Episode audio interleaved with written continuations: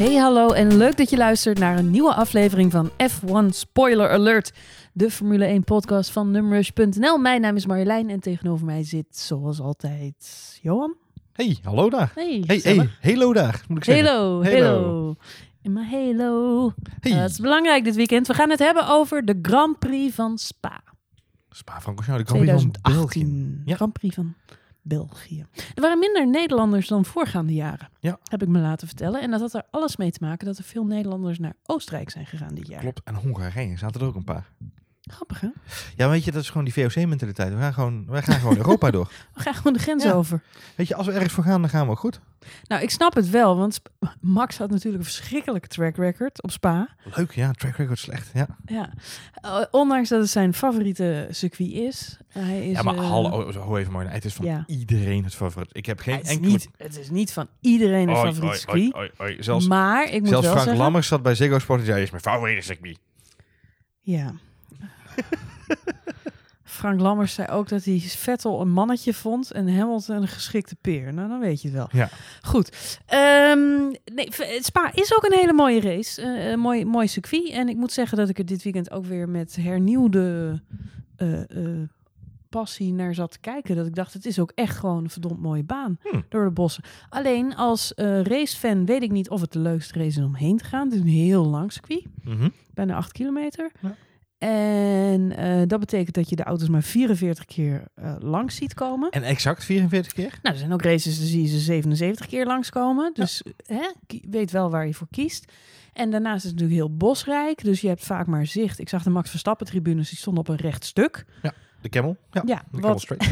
wat heel erg leuk is voor Max Verstappen. Al dat oranje vuurwerk, maar volgens mij niet zo heel erg leuk voor de fans. Want dan zie je echt alleen maar rode strepen, blauwe strepen Ja. en eh, voorbij komen. Maar goed, het, eh, ja, de sfeer is daar natuurlijk wel altijd eh, gezellig. Maar ik kan me wel voorstellen dat dit jaar meer mensen naar Oostenrijk zijn gegaan, ook dan, dan Spa. Want de, de, Ja. de- ja, wat ik al zei, de track record van Max was niet altijd zijn best. Nee. Het blijkt zelfs dat hij nog nooit een complete ronde in de top Top 4 vier. had gereden. Nee. Nou ja, goed. Het mooie was dat hij dit weekend daar gelijk Daar heeft hij gelijk 30 rondes aan toe kunnen voegen. Ja. ja, korte met hem heeft Want gemaakt. Met een fantastische uitslag. Volgens mij hoeven... Ja, die uitslag is wel bekend, denk ik, voor Ja. de meeste Formule 1-liefhebbers die deze podcast luisteren. En volgens mij hoeft het over de race ook niet heel erg te hebben. Nee, want laten we volgens daar mij, kort over zijn. volgens mij zat het venijnen in eh, de start, letterlijk en figuurlijk. Wat een start, hè? Dat als je het dan over Spa hebt, dat, Ja. dat, zei- dat is ook wel een legendarisch circuit qua start. Ja, het is die eerste, die eerste stint naar de eerste bocht is gewoon, eh, eh, is gewoon altijd spannend. En ook nu weer.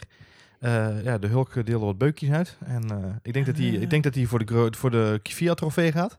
Eigenhandig zes mensen uit de race gewerkt. Eh, ja, eh, vijf. Ja, ja, ja klopt. Ja. en zichzelf. Zes. En zichzelf, Ja, precies. Nico zelf niet. nee, dat Nico zelf niet vergeten. Maar eh, nee, ja, de- het, is natuurlijk. Het, een aantal waren direct de slachtoffer. Eh, Leclerc, Alonso lagen er direct uit samen met eh, hemzelf. Ja. Hij tikte dan in het verschiet ook nog de achtervleugel van Ricciardo, aan. Die met zijn voorvleugel Die met zijn vervolgens een klein tikje extra zetje Rijkonen een lekker band bezorgde die Ja. niet door kon rijden en zo. En eh. Bottas dacht in het achterveld, weet je wat, niemand heeft het door. Ik tik even lekker tegen Sirotkin aan. Maar goed, Ja, dat was niet heel duidelijk in beeld. Maar Bottas die maakte ook gewoon een stomme fout. Bottas maakt daar een hele stom fout. Jongen, jongen, jongen. Heeft hij overigens ook wel de straf voor gekregen. Eh, en Hulkenberg, eh, zoals vandaag ook, of gisteren eigenlijk al gelijk bekend geworden, maar liefst 10 plaatsen straf voor de volgende race. Eh 10 plaatsen En achter. Drie punten op zijn licentie. Drie strafpunten, ja. Ja. Eh, leuk, leuk feit, eh, leuk bezijde feitje. Mocht Mhm. je ooit een keer in de Formule 1 Trivial Pursuit voor, een, voor een driehoekje gaan. Hm. Ehm, eh, de, de strafpunten zijn bedacht naar aanleiding van het ongeluk van Romain Grosjean in 2012. Exact, waar Ehm, veel mensen naar verwezen hebben. Exact, want het zag het, ja, weet je, toen ging Grosjean over de cockpit van Alonso heen. Mhm. Toen nog zonder halo, dus dat was bijzonder spannend. Ehm, dit keer was het natuurlijk Alonso zelf die eh, eh, De een- lucht mocht een, vliegen. een vlucht maakte. Heeft hij ook wel vaker gedaan. Ja, nou, ik vond het wel fijn dat eh, Leclerc in eerste instantie nog wat luchtig reageerde. Eh, no pun intended. Maar vervolgens eh, toch ook wel, toen hij de schaal om de halo goed had beoordeeld, wel blij was dat dat eh onding eromheen zat. Dus die, Ja. te- die teenslipper is ook direct, die discussie is gesloten. eh, voor de meeste mensen. Gelukkig. Nou, dat wordt nu ook wel uitgemolken. Hoor. En het was natuurlijk ook de, de, eh, de organisatie zelf die gisteren tijdens de race eh, die beelden in beeld bracht van die halo. Dat zie je niet zo vaak. Overigens, nog even pluspuntje voor Liberty Media. Ik vind het leuk dat ze dat soort dingen doen. Het was niet alleen even zo wat, wat backstage shot. Of Nee. in dit geval van zo'n kapotte auto. Wat Mhm. natuurlijk ook heel relevant was. Het waren ook historische beelden. Die Ja. startcrash van 2012, die hebben ze gelijk even erin gemonteerd. Ja. Nog live tijdens de race. Ja, wat ze goed doen, dat vind, vind ik tof. En wat ze goed doen, ze doen het aan het begin van de race ook tegenwoordig. Dat ze die, Ja. die on-track action laten zien waar de meest memorabele momenten op een baan plaats hebben Ik gevonden. het wel tof. Ik moet altijd gelijk denken aan onze columns van, van Koen. Ehm, Die lezen ze allemaal. Die lezen ze natuurlijk allemaal. Ehm, dus nee, eh, eh, eh, dus aan de aanleiding van de crash van Grosjean in 2012, die overigens toen al een aantal keren meer flipperkast had gespeeld dat seizoen. Grosjean kreeg toen een wedstrijd straf, moest op een bandje gaan zitten voor een wedstrijd, werd verbannen, mocht toen in Monza niet starten. Dat is nu bij Hulkenberg niet het geval. Hij is wel tien plekken teruggezet en die drie strafpunten. En ik denk, als ik Charlie Whiting gisteren ook het hoort toelichten, de, de, de wedstrijdleider, de wedstrijddirecteur, is dat een perfecte straf. Nou, ja, perfecte straf. Een goede straf voor de situatie die ontstaan is. Ehm, weet je wat ik zo grappig vond? Hm? Het, het is een power circuit. Hè? Het is een, een circuit voor de power engines. Dus met andere woorden, Mercedes en Ferrari zouden hier eh, een field Ja. day hebben. Ja. Bij Mercedes hebben ze na afloop to- toch wel een beetje een hoekje zitten huilen, heb ik het idee. Wat ik fascinerend vond gisteren, want wat je zelf al zegt, de race was eigenlijk nadat iedereen op zijn plek 1, 2 en 3 lag, relatief saai. Maar wat ik wel als inzicht had, vlak voor de race mocht Robert Doornbos een analyse geven van de pole position lab. Mhm. En dan laten ze twee camerabeelden zien, die van eh, Vettel geval, en ja. die van Lewis Hamilton. En dan zie je dat, ja, eigenlijk waar die twee coureurs op elkaar het verschil maken. De beste sectoren van beide auto's. Precies. Ja. En dan zie je heel duidelijk, nou, soms heeft Vettel dat, want Vettel die heeft, ze hebben wel eens Vettel met Max vergeleken en dan denk je echt, oeh, ja, daar zit het verschil. Maar bij Vettel en Hamilton zit het hem dus niet in de motor. Eh, op de lange rechte stukken loopt de Ferrari inderdaad een tandje sneller. Maar al het stuurwerk, al het bochtenwerk is Hamilton gewoon 14 sneller. Ja. 18 in- uiteindelijk. In, in de kwalificatie, ja. Ja. 18 sneller, ja. dat, is, dat is best een groot verschil. Klopt. Ja. Met andere woorden, hij is gewoon nou ja, op dit circuit eigenlijk de betere coureur van de twee. Ja, zoals Hamilton zelf na afloop van de race al zei, het lijkt erop alsof de Ferrari een paar eh, tricks on his sleeve heeft. Nou ja, daar heeft hij natuurlijk weer Daar de... heeft hij natuurlijk weer zijn excuses voor moeten aanbieden, want dat had hij niet zo moeten zeggen. Het was want nu wordt er gesuggereerd dat ze illegale dingen doen en dat was niet de bedoeling. Onhandige woordkeuze. Ja. Maar goed, eh, nee, ja, wat, wat hij, wat, wat hij, waar hij gelijk in heeft, dat is dat de Ferrari gewoon een aantal zaken beter onder controle heeft. En in die onboard lab, waarin de twee coureurs met elkaar vergeleken worden, nou, Hamilton inderdaad de betere coureur. Ferrari op motorpower op de rechte stukken, tandje sneller, viel me ook al op. Wat me tijdens de race ook enorm opviel, dat is weer dat bandenprobleem. Ja. Lewis Hamilton, blaar op zijn ba- band, Ja. voor zoveelste keer. Ferrari, nooit issues met de Hij banden. moet weer eerder naar binnen dan Vettel. Ja. Ja. Het, het, eh, eh, ook Toto Wolff heeft na afloop natuurlijk geroepen, hè, want de tricks up, his, eh, up their sleeve, of de Ferrari tricks in the car eh, van Lewis Hamilton kreeg natuurlijk nog een staartje. Eh, ook in de persconferentie heeft hij dat nog moeten verdedigen. Na afloop heeft Toto Wolff ook gezegd van, joh, weet je, het is niet alleen die power, want laten we niet vergeten, in die eh melee van de eerste bocht trekt Vettel hem op het eerste stuk Camel gelijk voorbij Hamilton. Ja. Recht voor die mooie Max Verstappen tribune, waarbij Max natuurlijk een fantastische inhaalmanoeuvre haalt op, ehm op Magnussen en, eh, en gelijk achterlaat bij de Force India's. Ja. Die ook als een dijk weg waren. Laten we niet vergeten dat Ja. Ocon een metertje tekort kwam op dat stukje Ja. om gewoon de koppositie te pakken. Was leuk geweest. Maar goed, dan zien we dus, eh, want ook de Force India's knallen daar voorbij Hamilton. De Ferrari power is daar duidelijk op het rechtstuk. Eh Toto Wolff heeft na afloop verklaard van, ja, weet je, we hebben meer problemen dan alleen maar power, pure Mhm. power. Hij zegt, je ziet ook in de softwarecalibratie en in de afstelling van de auto, er zit gewoon iets anders in die auto dan bij ons. Ja. En, en het is gewoon heel opvallend. Eh, hij zegt ook als wij een bocht beter nemen, zijn ze toch sneller weg, et cetera. Z- z- Zij is er niet, ook Wolff is niet gerust op, zeg maar. Nee, hij is er niet gerust op. En toch vond ik het eerlijk dat hij in het... Hij had een interview met Olaf Mol vlak voor de race.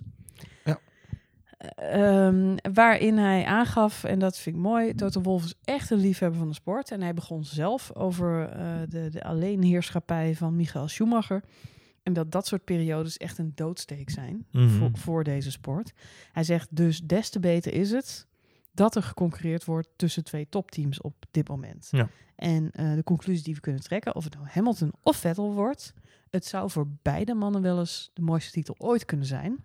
Omdat ze er hard voor hebben moeten werken. Ja. Omdat ze echt een- aan elkaar gewaagd zijn met auto en a- als coureurs. En dus niet strijden met hun teamgenoot. Nee. Wat je natuurlijk bij Hamilton en Rosberg in het verleden wel eens gehad hebt. Dat je eigenlijk alleen maar met je eigen auto eh, Ja, de strijd aangaat. Mijn, mijn voordeel, mijn focus aan uitgaan naar Vettel. Als je het hebt over mooiere wereldtitels, zou Vettel nu het met een streepje voor hebben omdat het een Ferrari wereldtitel zou zijn.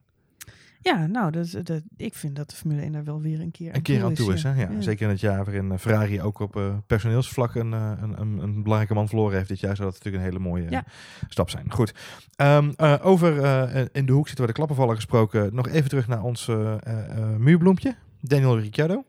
Oh, Het gaat niet goed hè met Danny. het gaat niet goed met Daniel. Danny Rick ziet er niet zo gelukkig uit. Ik hoop dat hij een dijk van een salaris krijgt bij Renault. Want, eh Ja, zelfs dat niet heb ik me laten vertellen. Maar goed. Jongen, jongen, jongen. Ik begrijp begot niet waarom die man weggaat naar Renault. Nou, wat, wat volgens mij, eh, ik las vanochtend las ik dat. eh, Renault overigens, het, het fabrieksteam van Renault, desastreus weekend, hè? Nou, daar wil ik eigenlijk heen. Ja, dat, eh, dus inderdaad, eh, Cyril Nico Hulkenberg, eh, aanleiding, van Aanleiding, een startcrash. Precies. Carlos Sainz, elfde. Ja, uit de pits gestart. Ja, Gewoon buiten de punten, elfde. Ja oké, maar wel buiten de, buiten de eh, niet eens eh, van het baan gestart. hè. Dus die is eh, vanuit, vanuit de pitstraat gestart. Dus daar, die heeft best nog wel wat kunnen goedmaken. Maar ja, die had ook gewoon geen power onderaan de streep. Ehm, ik wilde daar inderdaad heen. Renault heeft een desastreus weekend. Abit de Boel heeft ook geroepen, de, de baas van Renault. We wisten gewoon dat de voorsprong technologisch gezien die we hadden op Haas, die zou als sneeuw voor de zon gaan verdwijnen dit seizoen.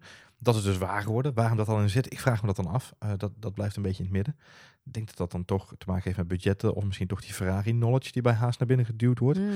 Ehm eh, Ricciardo gaat nu in Monza, die gaf gisteren al aan bij Jack Ploy, bij Ziggo. eh, in de nabeschouwing gaf al aan dat hij naar achteren ging op de grid. Ja. Eh, daarmee hintte hij op veranderingen in de auto. Ja. Hij gaat nu naar de nieuwe eh, Spec C, oftewel de derde iteratie van de, van de motor.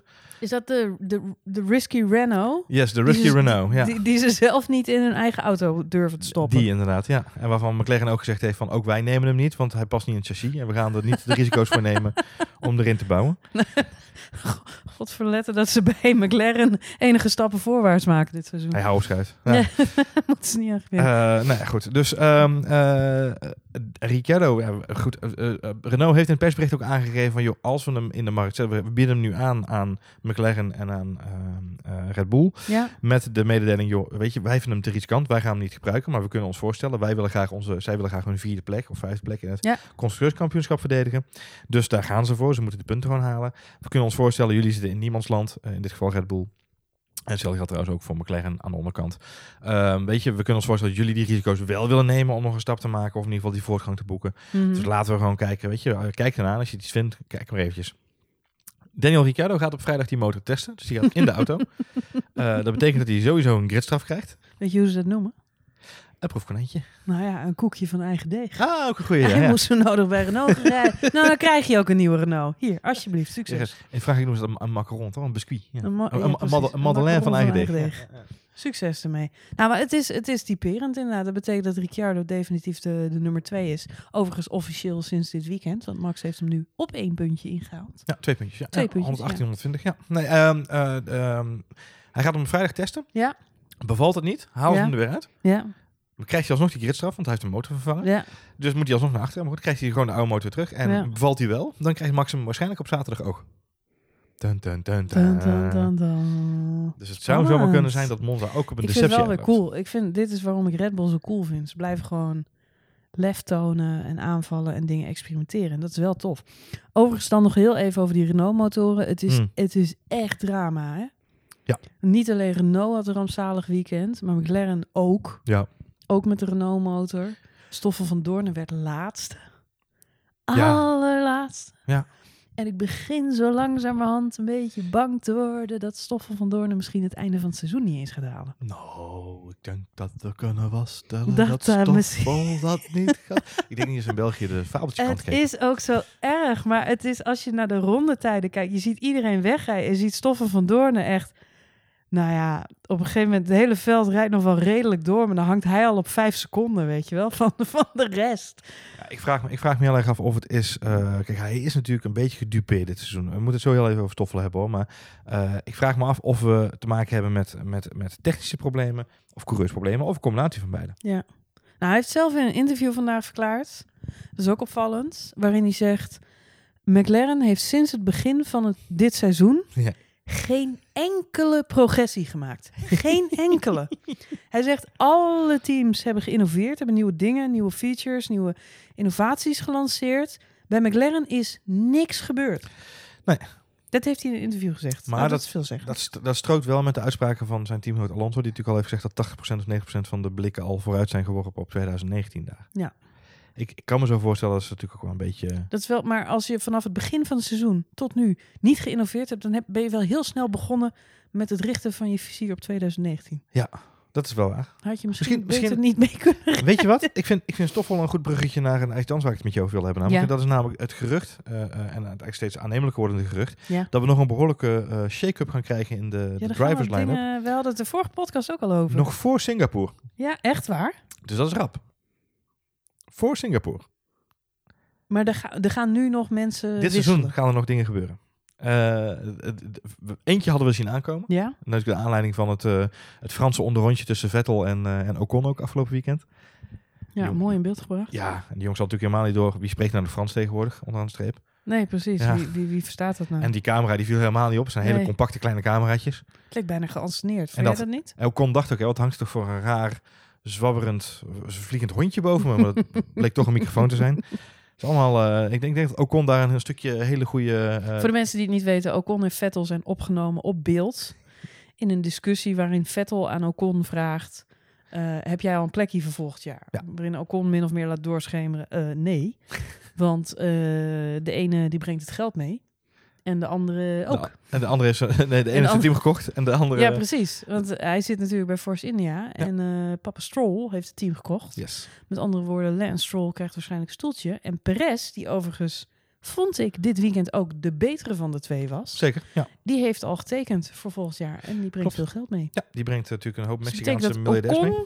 Een van de grote talenten, zoals hij toch wordt genoemd, vooralsnog nog zonder plekje zit. Ja. Nou, dan heeft Toto Wolff al wel geroepen dat hij zich heel hard gaat maken voor het ehm, beschermen van het talent Ocon. Hij heeft ook heel hard geroepen dat het niet zijn stijl is om hem naast Lewis Hamilton in de Mercedes te zetten. Dat is de volgende stap. Ja. dus eh, geen eh, type Red Bull. Nee, eh, leuke, nog even snel terugpakkend op die switch van Force India. Want dat Ja. las ik ook nog even tussen de regels door. We gaan heel erg van hot naar her vandaag. Maar dat is niet erg, want er is zoveel gebeurd. en er gaat nog zoveel gebeuren de komende weken. Force India is dus overgenomen. Het was Sahara Force India. Het heet nu Racing Point Force India.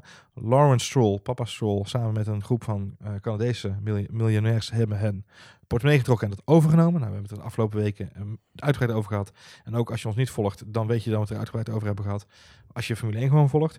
Ehm, zij hebben eh, flink wat geld neergelegd om het over te nemen. Afgelopen weekend werd duidelijk dat de co- eh, constructeurspunten van Force India weer af zijn gepakt. Dus ze mogen de punten niet houden. Ja, Ze, de coureurs mogen hun punten wel houden. ja. De motortellingen die ze hebben, dus het aantal eh, onderdelen die ze ver- vervangen hebben, zijn ook blijven staan. Mhm. Force India is uit de stuurgroep gegooid van de Formule 1. Ze hebben dus geen inspraak meer in het, eh, in het eh, eh, stuurgroepje wat bezighoudt met de, de regels voor de volgende jaren. Mhm. Dus met andere woorden, er wordt links en rechts wat hè, geherstructureerd om te laten zien dat het wel degelijk een nieuw team is. Ja. Maar, en dit is een interessante, ze staan wel in de kolom 1 van de uitbetalingen van sponsorgeld en kijkgeld.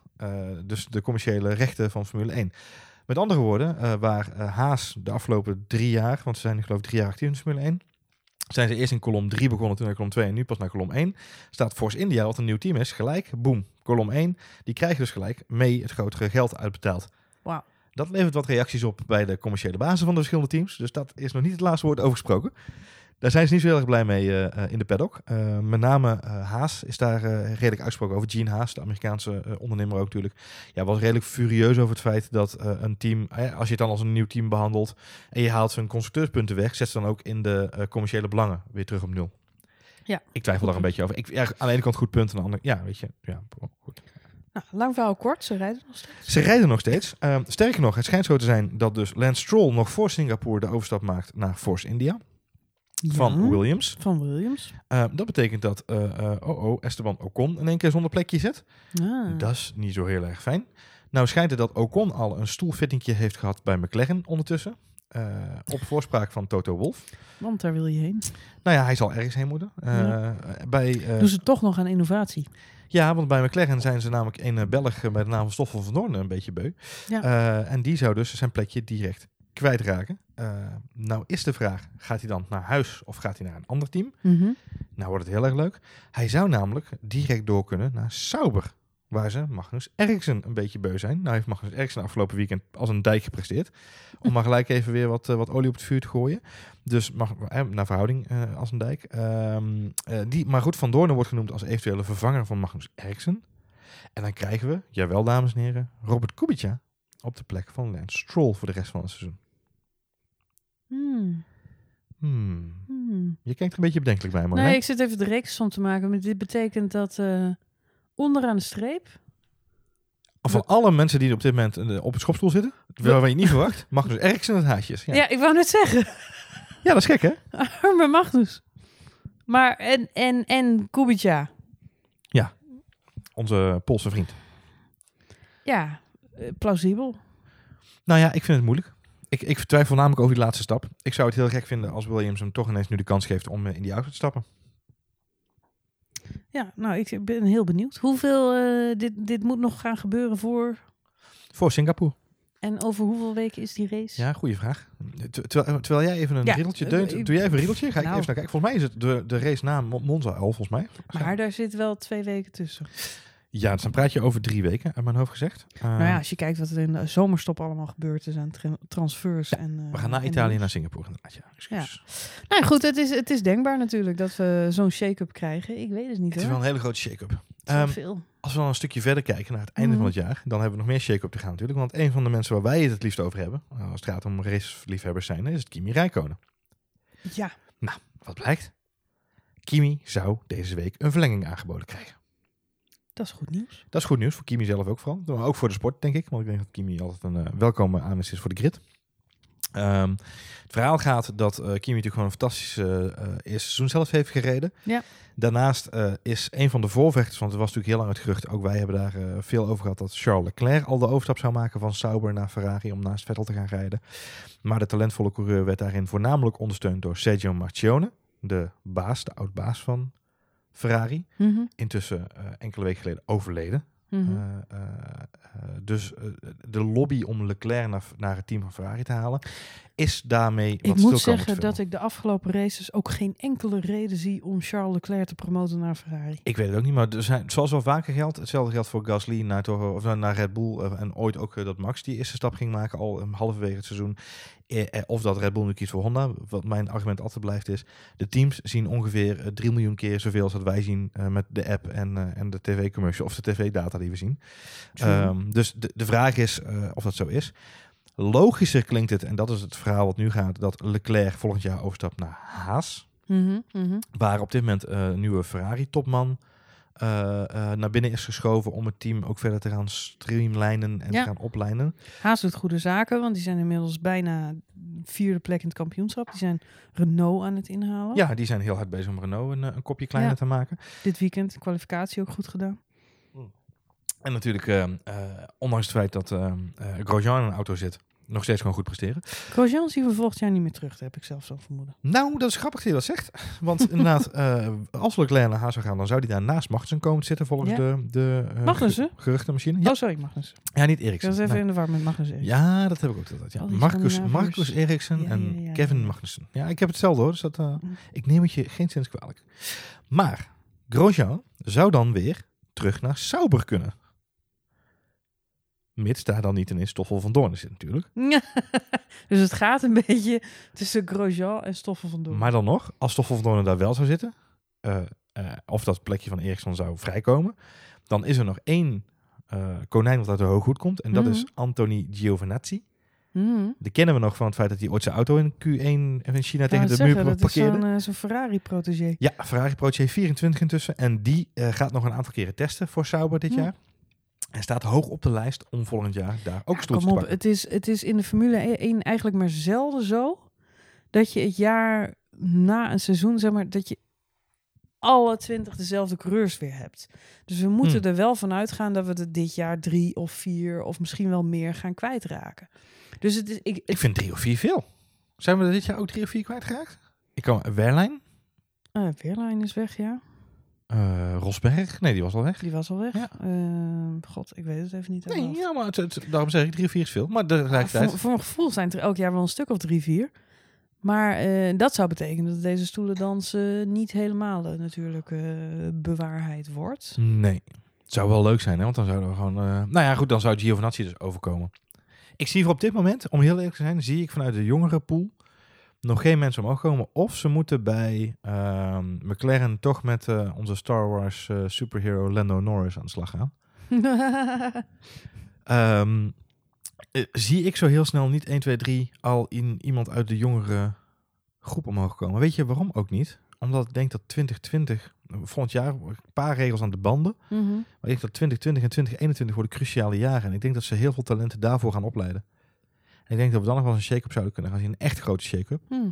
Waarbij we ook afscheid gaan nemen van, van veel grotere namen dan alleen maar deze, even met alle respect, eh onderste regionen. Agreed. En ik, weet je, ik heb afgelopen weekend toevallig eh, eh, eh, even de GP3 en de Formule 2 eh, stukjes mee zitten blikken, s ochtends vroeg en, en in de middag. Mhm. Vooral omdat ik de tv aanzette en ik zag dat er een grote mistbank boven Spa hing. Toen ga je toch Mhm. een beetje juichen. Zo van, kom op, het kan. Ehm, en, en weet je, er zitten wel wat talenten bij. We hebben natuurlijk in, in Nederland ook Nick de Vries. Ook weer een goed weekend gehad op Spa. Eh, en vol zelfvertrouwen altijd. Eh, maar goed, die jongens moeten ook allemaal nog wel even hun superlicentie zien te halen. Dus weet je, het is, we hebben niet zo heel snel dat er nu eh, doorvoering zal komen.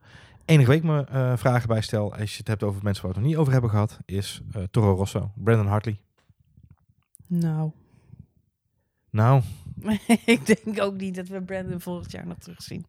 Nee, eh, want dat is hetgene wat ik me altijd wel weer een beetje verbaas. Is dat ik hem niet hoor terugkomen in dit soort scenario's. Af- Hebben we het niet, nog niet over gehad, maar als dat zo is, dan hebben we twee vrije plekken bij Rosso. exact. Ik hoorde dit weekend ook het gerucht dat... ehm, eh, want dat was wat Jack Ploy volgens mij zei bij Ziggo. Die liep daar door de paddock en die had daar opgevangen dat zelfs Ferrari zou overwegen om een van de talenten... Dat zou dan eventueel Giovinazzi kunnen zijn. Mhm. Om die te stellen bij Toro Rosso. Ik kan me niet voorstellen op dit moment... Dat ze ervoor kiezen om eh, ehm, Leclerc daar neer te zetten. Want die willen ze gewoon in een Ferrari motor laten rijden. Met een Ferrari motor laten rijden. Maar het zou zo ook maar kunnen zijn dat ze toch kiezen om een Giovinazzi of misschien een ander talent uit hun pool. Misschien Fiat. Die is ook nog testcoureur. Ja. Laten we daar alsjeblieft nooit meer over hebben. alsjeblieft, geen Fiat. Goed, oké. eh, de Grand Prix van Spa was een mooie. Eh, ik wilde misschien nog even over zeggen dat ehm, ik eh, Max niet alleen een hele verdiende derde plek, maar ook heel volwassen heb zien rijden. Wat hebben we er weinig over Max gehad vandaag? Ja. En eh, nou, ik wilde alleen maar even kleins. Het is al veel gezegd. Iedereen zegt, oh, het is toch volwassen. Maar het is e- echt een groot verschil met een jaar geleden. Ehm, hij Het is zat een groot verschil van vier, met vier maanden geleden. met, ja, met het begin van het seizoen. Hij had natuurlijk gekwalificeerd op een zevende plek, wat niet denderend goed is. Hij zit achter de twee Force India's. Bij de herstart zit hij in precies dezelfde situatie. En hij kiest ervoor om eh, drie, vier ronden af te wachten tot DRS open gaat omdat hij zich realiseert, die Force India's die liggen met elkaar in de clinch. Ja. Dat zag je al bij de start. Wat doen ze? Ze schieten allebei rechtdoor. Proberen naast Vettel te komen. Vettel zei er na afloop ook nog iets over. Nou ja, ik ging er maar vanuit dat ze af zouden haken. Want die ruimte die was er gewoon niet. Nou, dat deden ze gelukkig ook. Maar ze namen daar wel veel risico. Ja. Max heeft dat zitten observeren. Heeft zich gerealiseerd, mijn auto is sneller. Ik hoef alleen maar te wachten tot de DRS aangaat. En dan pak ik ze als een warm mes door gesneden boter. Ja. Dat heeft hij keurig gedaan, zonder risico te nemen. En de oude Max, die had gelijk bij de herstart iets geprobeerd. Weet je, die had gelijk Ja. die Force India's mo- moeten pakken en moeilijke Was inhaalmanoeuvres. misschien, was misschien wat jippiger geweest inderdaad. Ja. Ja, Ja. en dan weer zo'n risico op, een- op een crash en allemaal onnozel gedoe. Dat was gewoon niet nodig. Hij heeft gewoon een snellere auto. Ik denk dat wat we gezien hebben dit weekend is wederom, eh, eh, als het gaat om de kwalificatie, de af en toe hele gebrekige strategie bij Red Bull. Ik ben nog steeds geschrokken van het feit dat ze, dat zo, dat ze zo'n gok hebben genomen bij die kwalificatie met die regen. Eh Horner zei ook al van, ja, dat was gewoon een keus en we kunnen het weer nou eenmaal niet controleren. Oké, fijn, maar het is wel de zoveelste keer dat ik denk, oh, strategisch Red Bull, wat doe je? Maar Mm. vervolgens in de race eh, heel goed getimed. Eh pitstops ook heel goed afgestemd op.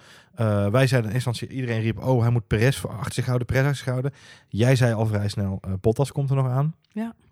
En al vrij snel zeiden wij ook al tegen elkaar, ze zijn aan het timen op Bottas. Ze willen Bottas gewoon achter zich houden. Want Ja. iedereen weet, onderaan de streep, dat die Mercedes, weet je, iedereen, oh, Bottas van plek 17 naar plek 4. Ja, inderdaad, in een Mercedes. Ja, ik, heb- ik vond Bottas, ik vond hem matig. Hij heeft gedaan wat hij moest doen. Hij was snel. Eh, ik weet, er- ergens op een derde van de race begon ik al te rekenen dat ik dacht, moet Max zich zorgen gaan maken? Want hij Ja. kwam best wel snel. En toen, eh, Max was super snel op die, op die eh, nieuwe banden. Ja. En eh, heeft eigenlijk ervoor gezorgd dat het gat met Bottas gelijk is gebleven. Klopt, In het laatste eh, stuk van de race. klopt. Ja. En Bottas had ontzettend veel moeite om eigenlijk om Perez nog eh, te pakken. Dat- ja, was hij zes rondes mee bezig? niet daadwerkelijk de inhaalactie, maar het heeft hem lang geduurd om daarbij te rijden. Ja. En eh, nou ja, goed, dat, ja, het heeft hem allemaal moeite gekost. Terwijl hij volgens mij ook nog wel een derde plek eruit had kunnen slepen. Dus ietsje beter is best. Hmm, nou, ik denk nou die pitstop van Max Verstappen dus niet meer. Daarom vond ik dat zo goed Ja, getimed. Ik denk na afloop dat ze die pitstop hadden gedaan, dat ze vrij snel bij Mercedes door hadden van dit gaan we niet meer redden. Want op dat moment moest Bottas nog een keer naar binnen. Ja. Dus ze wisten, hij gaat nu op 29 uitkomen, dus dat gaan we niet meer dichtrijden. Nee, dat is ook Weet je, dan moet Verstappen echt een fout Het was, maken. het was voor iedereen een consolidatierace. Ik geloof dat heel veel mensen gewoon echt in the middle of nowhere reden. Helemaal los van alles en iedereen. Ja. Lewis Hamilton, die zag je de laatste tien ronden, die liet gewoon touw volledig vieren. Die werd op 10 seconden gereden door Ja. Vettel. Terwijl hij al heel de race opvallend is. We hebben over die Ja. specs. Eh, eh, hij komt terug naar de pitstop op 1 seconde. Bijna Ja. binnen DRS. En vervolgens staat hij binnen twee rondes alweer op 3 seconden. Drie seconden. En vervolgens laat hij hem lopen Laat tot hij 10 vieren. seconden. Ja, het is, weet je, hij geeft, gooit de handdoek al in de ring eh, op drie kwart van, nou niet eens op, op 60% van de race, denk ik. En dat heeft Max gewoon heel goed, heel goed gedaan, ook in dit geval, denk ik. Hij heeft gezien waar hij zat. Waarschijnlijk ook goed gecoacht door zijn, door zijn team. En gewoon een hele soevereine race gereden. Top. Ja, toch? Niks meer over zeggen. En, en het aftellen is begonnen, want Monza komt er al aan. Ja, gelukkig maar een week. Ik moet zeggen dat het wel lang... Het, het waren maar drie weken, maar het voelde veel langer. Het voelde wel als Die zes. zomerstop. Verschrikkelijk. Nou ja, goed, eh Monza, dan moeten we natuurlijk maar weer afwachten. Want het is super snel circuit. Ja. Dus daar draait het om eh, ja, Power. Top, Ja. topsnelheid. Maar ja, op dit moment heeft Ferrari de bovenhand daar. Dus, Je weet het eh, niet, hè, die en nieuw- dat is natuurlijk eh, een thuisrace. En je weet natuurlijk nooit, hè? De nieuwe Spec C-motor van Daniel Ricciardo. De tifosi worden gek. Oh nee, maar die Renault, maar ja, die Renault. Die Renault, ja, je weet het niet. Misschien komt er vuurwerk uit. Ah, je wilt niet weten. Ik ben wel benieuwd. Glitterstof. Met andere woorden, we moeten vrijdag even extra op de nieuwsberichten letten. Ja, of gewoon even de vrijtreding aanknallen. Wat let je? Wat let je? Wat let je? Nou goed, eh, de Grand Prix van Spa 2018 was een saaie race met een prachtig resultaat voor Max Verstappen en alle fans die daar elk jaar naartoe gaan. Want eindelijk, eindelijk, eindelijk was er dan een podium. Wel jammer dat er dus geen uitloopronde is. Dat was een heel kort uitlooprondje. Ja, ze Finish terug. gewoon, ze zetten gewoon de ding. st- Wat ik ook heel raar vond, want dan zijn er nog mensen aan het rijden, want iedereen lag op ronde achterstand. Dus, maar goed, Ja, eh, vervolgens worden ze op het podium gezet en eh, jongens, doei. ja, dat Ja. was het dan. Nou ja, goed. eh, het schijnt dat Stoffel van Doornen nog net champagne in zijn gezicht heeft gekregen toen hij over de lijn heen kwam. Nee. Toen moest hij nog een rondje, precies. Eh, goed, de Grand Prix van Spa eh, gaan we het niet meer over hebben. We gaan het volgende week hebben natuurlijk over de Grand Prix van Monza in Italië. Thuisrace voor team Ferrari. Eh, gaan ze daar de dubbel pakken? Het zou toch ook wat zijn als Kimi Räikkönen daar weer eens een keer een, overwinning pakt. We gaan het zien, we gaan het meemaken. En ook of de Red, Red Bulls daar natuurlijk nog een rol van betekenis kunnen gaan spelen. En of er misschien al coureurs gewisseld worden de komende week. Leuk. Je weet het niet, je weet het niet. Wil je reageren op deze podcast? Dan kan dat natuurlijk. Je kunt reageren via Twitter. Jazeker. Bijvoorbeeld naar, Ed Johan Voets. of naar Ed Marjolein. Eh, je kunt ook eh, de komende week onze column, onze voorbeschouwing lezen op de Formule 1 race, de Grand Prix van Monza, op numrush.nl. Eh Koen Vergeer schrijft daar elke, nou eigenlijk voorafgaand aan elke race, een fantastisch artikel met allemaal historische fragmenten.